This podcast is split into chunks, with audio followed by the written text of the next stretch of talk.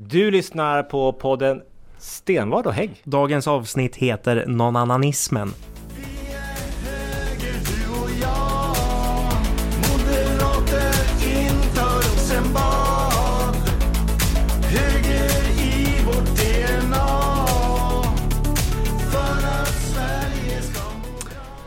Välkommen till eh, maj månads poddavsnitt. Tack ska du ha. Hur är läget? Jo då, det är bara fint. Topp. Du har ju suttit i regionstyrelse hela dagen så jag har ju suttit nästan själv här nere på eh, plan 3 på kontoret så jag har haft det lugnt och skönt hela Och dagen. laddat upp inför det här. Absolut. Men igår, vad gjorde du då? Vad gjorde vi igår för någonting? Igår kväll? Igår kväll så, jo, vi, det var ju blodomloppet i Hudik. Jag var tvungen att tänka, vad fan gjorde jag Redan igår för bort det. någonting? Det arrangeras ju varje år ett, ett, eh, spring och gålopp eh, runt om i landet som eh, lobbar för att man ska ge blod. Ja. blodomloppet. Och vi har ju som regelbundenhet att vara, äh, inte du då, men vi andra har ju som eh, tradition att eh, delta i blodomloppsloppet uppe i Hudiksvall. Första gången för mig. Ja, hur kändes det? Jo då. Var det jobbigt? Nej, då tyckte jag, jag gick ju. Du, du sprang ju. Jag och eh, regionrådet eh, Stål, vi eh, promenerade runt istället. En trevlig promenad sådär. Det hade vi. Ja, jag springer ju då regelbundet En gång per år. en gång per år, det är blodomloppet. Ja. Så det kändes ju, igår, jag slog faktiskt mitt, min rekordtid. Vad hade du förra året då? Längre tid. Längre? Det här är såna här sekretessbelagda uppgifter om vilka, vilka tider man vi, har. vi klipper ur det här Man sen. får gå in på nätet och kolla, googla. Nej men så, som sagt, så jag har lite ont i benen idag så jag hade lite svårt att gå i trapporna. Så. Om man nu googlar detta så vill jag ju påpeka att det är- ju felaktigheter i eh, HT, Hudiksvalls tidning. Där står det att jag är listad under de som sprang, vilket jag inte gjorde. Men nu tittar jag på eh, Polsek B, som också är i rummet för övrigt. Som, hon anmälde alla som att man skulle löpa, vilket jag och Frida då inte gjorde.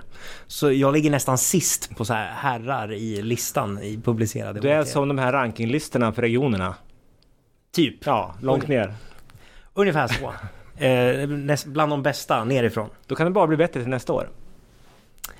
Ja, det fa- fanns fortfarande ett spann neråt på den där listan, så det ska vi inte ge oss fan på. Men nu tänkte vi inte att vi skulle prata om eh, våra eh, referenser om att att springa och gå i blodomloppet utan eh, avsnittets namn idag, det är ju bara svårt att uttala. Jag ska inte ge mig in på det, men du får förklara. Du får förklara varför, varför, varför pratar vi om det där för?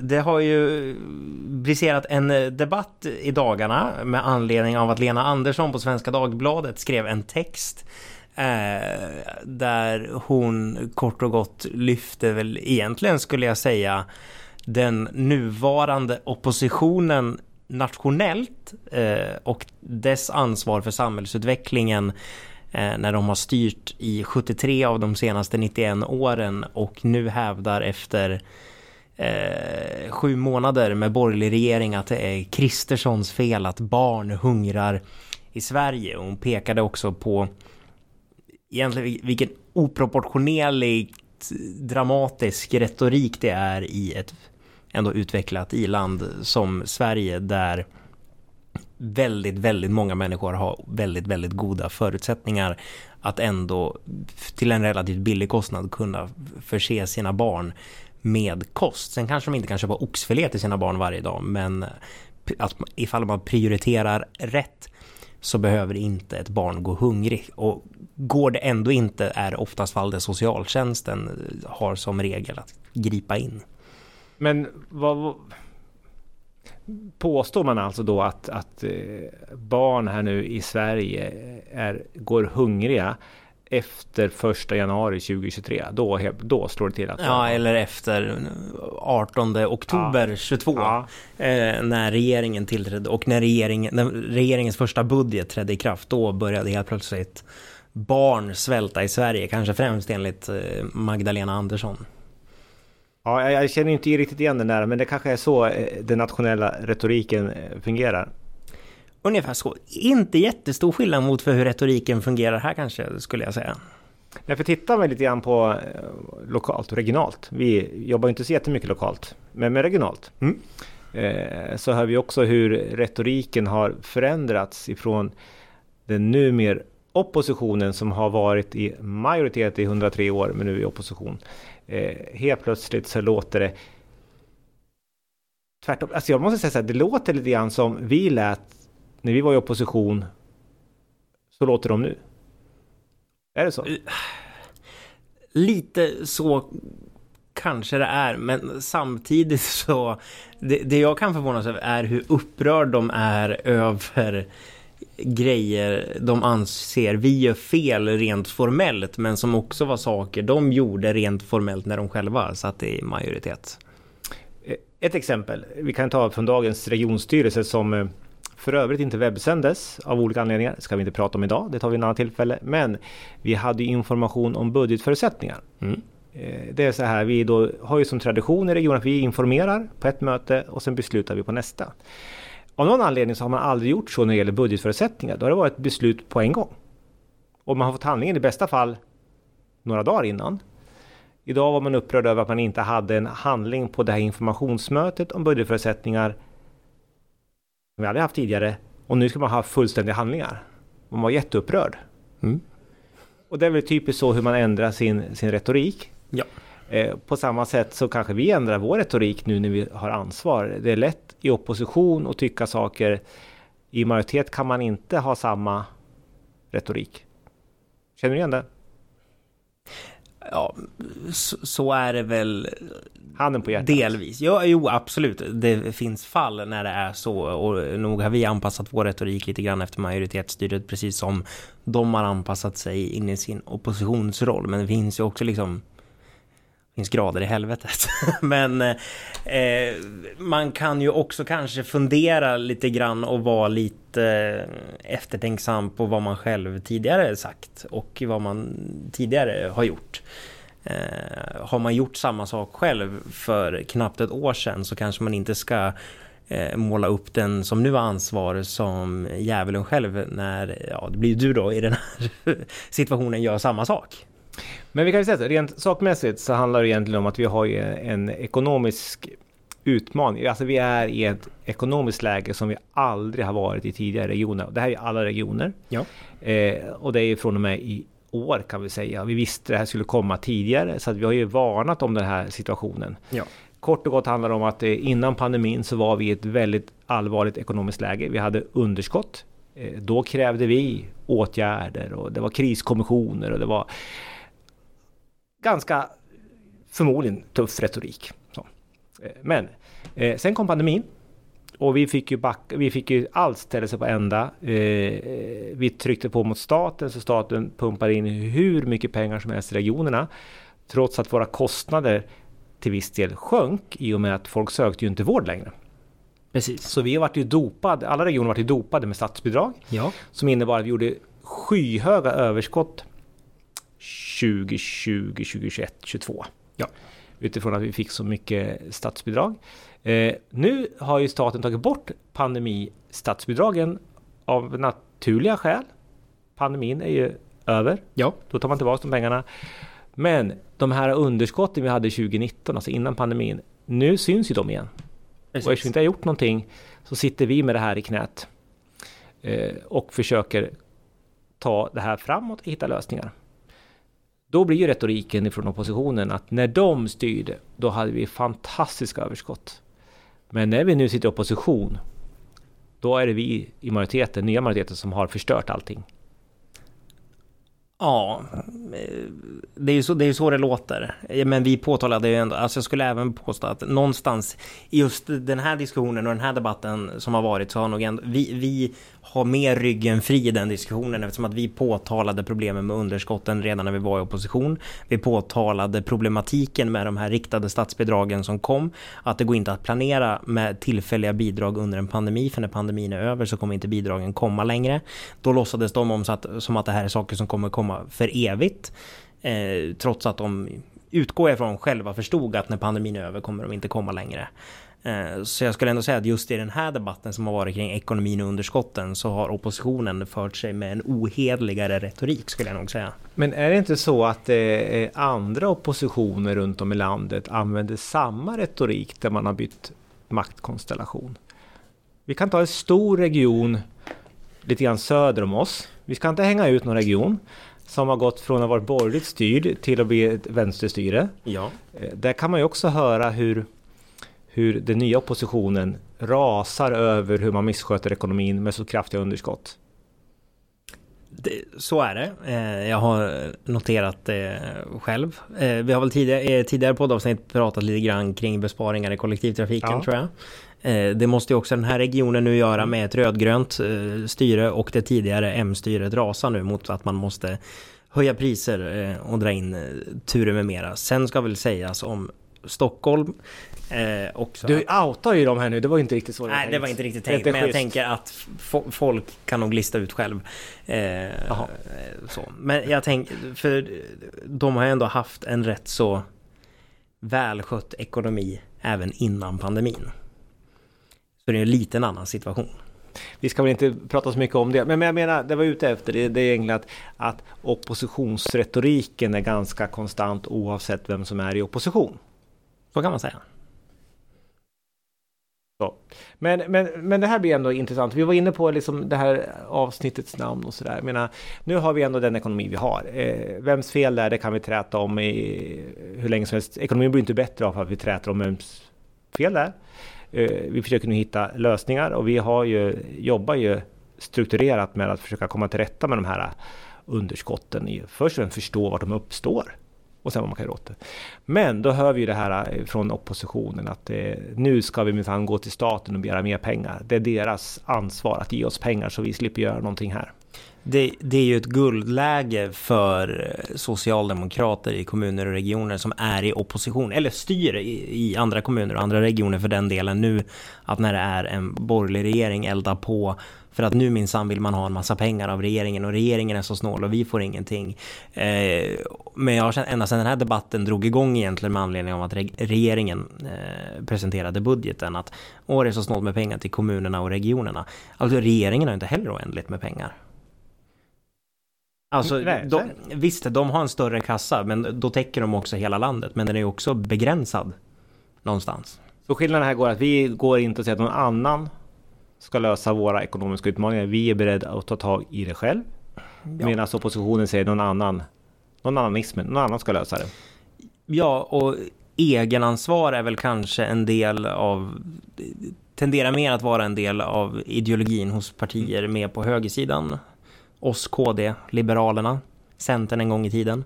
Eh, och eh, att, jag ska inte säga att inte ta ansvar, men att eh, hur ska jag formulera det här snällt mot mina politiska motståndare? Nej, men att någon annan ska ta ansvar för en jämt skulle jag ändå säga någonstans är mer än liksom genomsyrar kanske mer partierna på vänsterkanten. Så. Men sen har ju vi som sitter i ledningen har ju såklart ett ytterst ansvaret för, Ja. för regionens utveckling. Och vi tar ju det ansvaret och eh, fullt ut. Men vad har oppositionen för ansvar i, i ett sådant sammanhang? Jag menar, vi har suttit i opposition, inte i 103 år du och jag, men, men, men, men ganska många år. Ja. Eh, Och då är det frågan, vad har oppositionen för ansvar i regionens utveckling? Man kan ju presentera egna politiska förslag för att komma till rätta med underskotten. Man kan... eh, Så när du ska dra in busslinjer då kan man eh, som alternativ, ja, vi drar in de här busslinjerna istället. Ja, kan man lägga. Eller istället för att dra in busslinjer så höjer vi biljettintäkterna. Ja, ännu Ja. mer än vad som måste göras. Ja. Ja. Eh, Då handen på hjärtat. La du konstruktiva motförslag i nämnden när det var underskott inom kollektivtrafiken tidigare år? Det, det skulle jag säga att jag gjorde. Och så skrattade han. Ja, jag, jag, jag, jag tycker helt ärligt att jag gjorde det. Det var bara för att du såg så misstänksam mot mig ut. Jag tänkte, Kommer du inte ihåg vad jag la för förslag? Har du haft någon oärlig retorik? Vi pratar oärlig retorik här från oppositionen. Ja, Nu outar vi det här, vi kör på hårt här nu, nu. ska vi vara eh, öppna och transparenta. Ehm, det det kan, kan, ha hänt. Eh, Har du något exempel som du tycker du kan eh, outa här? Jag har ju då, nu ska jag outa ett gammalt samarbetsparti i samband med det här också. Det var ju så att eh, när man förra mandatperioden beslutade att ta bort eh, reklamen på stadsbussarna i Gävle så var ju vi ute och sa att det kunde röra sig om 20 miljoner uteblivna intäkter. eh, handen på hjärtat så kanske det inte rörde sig om exakt 20 miljoner eh, men det rörde sig ändå om miljoner. Men vi hade ju en teori, vi räknade ju fram den teoretiskt hur det skulle kunna vara så. Så det var ju inte taget i luften. Nej, vi räknade ju ändå på det Ja. eh, inom den dåvarande oppositionen utefter vad vi själva kanske hade betalat för reklam på bussarna en gång i tiden. Eh, sen kanske det finns seriösare sätt att göra uträkningar på än att sitta på egen kammare och trycka på sin miniräknare. Men Mm, så nu så får vi se vad, vad för nu kommer vi införa reklam igen. Så vi, vi kommer se. införa reklam igen, men eh, vi får se vad det blir för exakta intäkter. Men att det rör sig om miljonbelopp i alla fall, Mm. vilket vi också senare kanske anpassade vår retorik mer till. Det kan jag nog ändå säga där att det du lite, kommer att göra. lite oärligt. Ja, ja men det, det... Har du själv sagt något oärligt politiskt någon gång? Nej. det var oärligt. Det var oärligt sagt. Nej men jag har faktiskt inget riktigt sånt här konkret exempel när man skulle ha- sagt men det är väl klart att man har man är ju noga med hur man uttrycker sig så att man inte liksom så att eh, orden man använder formellt sett är korrekta. Men det kanske är så att det tolkas på ett sätt som är fördelaktigt för mig men som kanske inte är helt sant. Det kan ha hänt. Fi- fint formulerat. Ja, det kan ha hänt. Fan vad du, nu gick du med ryggen fri. Ja, man är ju politiker. Nej men så här, och det är väl klart, det här, är- det här använder alla av. Jag tycker och det, och det på något sätt ska man också ha med sig när man lyssnar på politiska debatter. Man väljer ju att ta fram de argument som stödjer min tes. Jag har ju inte för avsikt och ingen politiker säger ju, nu ska jag ge den hela bilden. Utan det handlar om att man använder ju argumentation för att gynna sin egen, sin egen tes. Ja. Så det tror jag nog är inbyggt i systemet. Men jag tycker ändå det är alltid intressant att reflektera över den. Typ så. Och eh, eh, tips till de som lyssnar är att man kanske inte alltid ska lita på det politiker säger. Förutom på oss såklart. Men alla andra behöver man- ska man inte lita på. Det är eh, vedertaget. Ja. Men eh, då har vi pratat lite grann om det här. Eh, hur var det nu med de här barnen som svälter? Ska vi, ska vi liksom knyta ihop säcken på den? då? Ja, alltså, Hur är, vad är sanningen där? Är det, är det Ulfs fel eller vems fel är det? Då ska jag ärligt säga utan någon form av liksom statistik eller utredning i ryggen så ska jag nu liksom med min egna logik försöka reson- resonera mig fram till hur jag kan tänka mig att det är. Eh, så här, eh, jag skulle bli mycket förvånad om Ulf Kristersson sitter i Sagerska palatset och fnissar för sig själv och tänker att nu ska jag få barn att svälta idag. Eh, det tror jag inte han gör och det tror jag inte någon annan i regeringen gör heller. Och inte gamla regeringar heller. Inte gamla regeringen heller. Eh, sen så tycker jag att Lena Andersson har poängen med att vi svenskar generellt kanske har levt i en kultur där staten har tagit en sån roll att egenansvar inte är något vi har lika naturligt som andra nationaliteter. Eh, kanske, och det kan föranleda problem kan jag tycka att vi förväntar oss kanske mer hjälp, mer assistans, mer liksom pengar och skydd och hjälp från staten än vad vi kanske alltid är berättigade till och så, sånt vi kanske hade kunnat löst själva. Eh, så hon har poänger. Sen så finns det ju garanterat barn i Sverige som faktiskt hungrar och inte har mat på bordet. Men där har vi ju ändå, precis som också Lena Andersson påpekar, en socialtjänst som griper in och ett samhälle som bygger på att de som är så absolut mest utsatta finns det hjälp att tillgå för. Och föräldrarnas ansvar ska vi ju också understryka att det är föräldrarnas ansvar att deras barn äter sig mätta. Precis, och sen måste vuxna människor generellt tycker jag oavsett om man är låginkomsttagare, medelinkomsttagare eller superduperrik eh, kanske anpassa sig. Alltså det kommer inte alltid vara högkonjunktur, det kommer inte alltid vara eh, goda tider. Eh, ibland kanske man får planera för att det inte alltid kommer vara superglassigt. Och jag kan ju bara säga så att det är också utifrån Resonemanget var ju mångt och mycket också att barn inte, ät, inte får mat i skolan och är hungriga under skoldagen. Och vi vet ju att det serveras ju mat i skolan. Ja, Och mina barn får mat, men de är fortfarande hungriga i skolan för de gillar inte maten. nej. Och då, tough shit, då får Ja. de äta den mat som serveras. Ja. Och, ska, och gillar de inte maten på skolan, då kan man servera en rejäl frukost. De kan äta gröt till frukost och hålla dem till det bättre. Ja. Det är ju mitt ansvar som förälder. Så är det. Hårt, men, eh, men Ja, sant. men jag, jag, kan, jag, jag köper det. Så, ja, så att eh, det här med någon Kör också argumentet, det, det finns andra barn i världen som skulle bli jätteglada om de fick den här äckliga skolmaten. Har du Ja, Kört jag- det någon gång? Jag brukar ju säga till, till mina barn att jag äter också på Sodexo när de hade lunchrestaurang i Stadshuset. Mm. Den var jättebra mat. Mm. Sen, kom de, sen synade de det kortet och kom på att det var inte samma mat som de fick. Nej. Även om det var samma leverantör. Och sen kom du tillbaka till regionen Ja. och blev ännu friare i vart Ja. du kan gå och äta lunch. Så, eh, men nu har vi ändå rätt ut lite grann att det här eh, normalismen det är någonting vi måste liksom komma till rätta med. Vi får ta ansvar själva. Ja. Både för våra barn, för oss själva och för regionens ekonomi. Ja.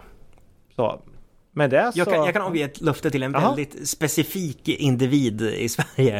Eh, Elisabeth Svantesson, Ja. finansministern. Hon kommer inte se mig i någon intervju stå och kräva att hon ska ge mig massa pengar.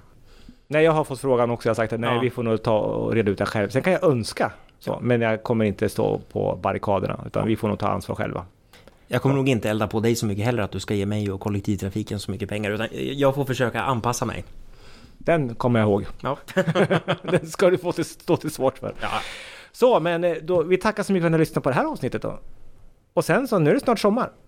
Jajamän. Ja, så att vi hörs en gång till innan sommaren och sen är det en välförtjänt semester. Jajamän. Hoppas vi. Så på återhörande. Bye bye.